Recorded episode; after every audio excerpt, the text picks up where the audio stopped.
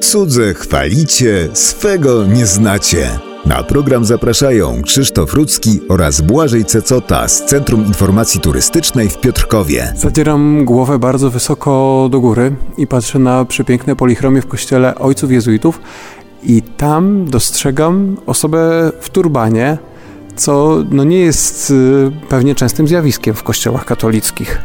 No raczej nie jest to tak często spotykane, natomiast w kościele pod wezwaniem świętego Franciszka Ksawerego jak najbardziej uzasadnione, dlatego że te polichromie, które mamy na górze kościoła, na, na, na części tej sufitowej, są między innymi związane z posługą świętego Franciszka Ksawerego. Może tutaj jednak by trzeba było dwa zdania o tej posłudze powiedzieć. Kiedy święty Franciszek Ksawery wraz z Faberem, czy z, no przede wszystkim Ignacym Loyolą zakładali to swoje bractwo, które później zamieniło się w zakon jezuitów, to y, jednym z y, bardzo istotnych elementów, o którym myśleli w posłudze, było nawracanie ludów. Oni dużo myśleli o muzułmanach, zresztą święty Franciszek Sawery też myślał dużo o muzułmanach w kontekście Maroka. Z kolei Ignacy Loyola był w Jerozolimie. Trzeba pamiętać, że to są czasy kolonizacji, czy też raczej misji geograficznych y, Hiszpanów i Portugalczyków.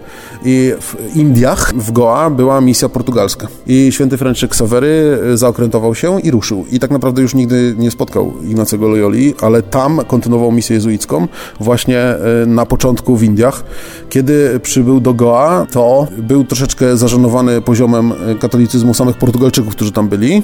Natomiast no, starał się to właśnie zmieniać, żeby byli wzorem dla tych ludzi, którzy tam są i zaczął masowo nawracać mieszkańców zachodniego wybrzeża Indii jest porównywany w ilości nawróceń świętego Pawła. Nie było później ani wcześniej człowieka, który tyle, ile święty Paweł nawracał, natomiast święty Franciszek Sawery to jest osoba, która jest uznawana za takiego apostoła, można powiedzieć.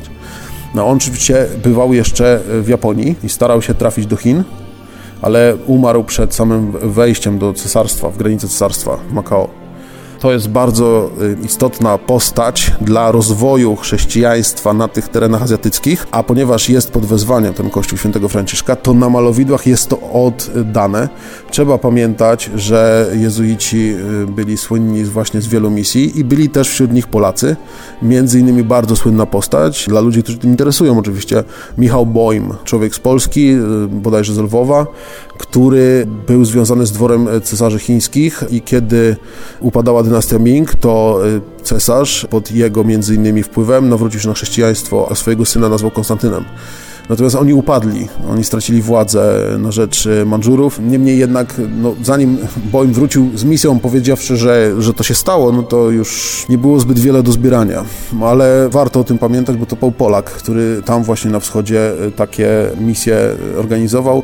My znamy to dzisiaj z popularnej kultury, między innymi z takiego filmu zadającego wiele kontrowersyjnych pytań i być może kontrowersyjnych odpowiedzi, jak Milczenie, Scorsese. Natomiast na pewno bardzo interesujący w tym kontekście filmem jest Misja z Jeremy Ironsem i e, Robertem De Niro i ten na pewno interesująco pokazuje tą kwestię właśnie jezuickich misji, czy to w Azji, no, czy w przypadku misji w Ameryce Południowej i w tak zwanych redukcji e, Indian Guarani.